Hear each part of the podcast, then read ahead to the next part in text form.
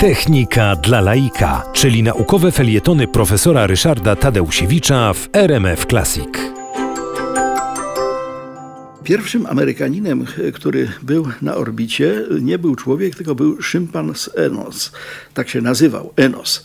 No i e, właśnie tego Enosa wystrzelono w kosmos e, w rakiecie, rakiecie typu Merkury, e, którą Enos dwukrotnie okrążył Ziemię, no i był wobec tego tym pierwszym amerykańskim podróżnikiem, który właśnie tą Ziemię okrążył, orbitował. Poprzedni dwaj astronauci latali tylko na tak zwanych lotach suborbitalnych.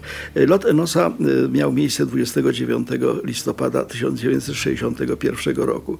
I z tym Enosem wiążą się dwie zabawne okoliczności.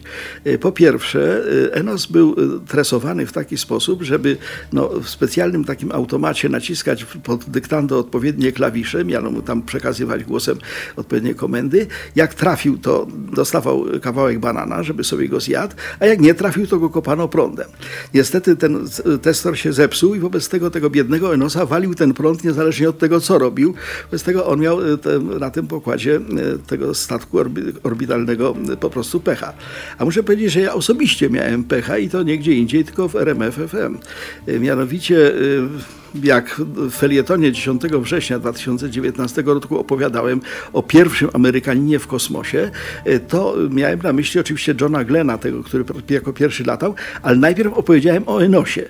No, rozgadałem się za obszernie, wobec tego obcięto część i początek mojego nagrania jest taki. Pierwszym człowiekiem w kosmosie był John Glenn.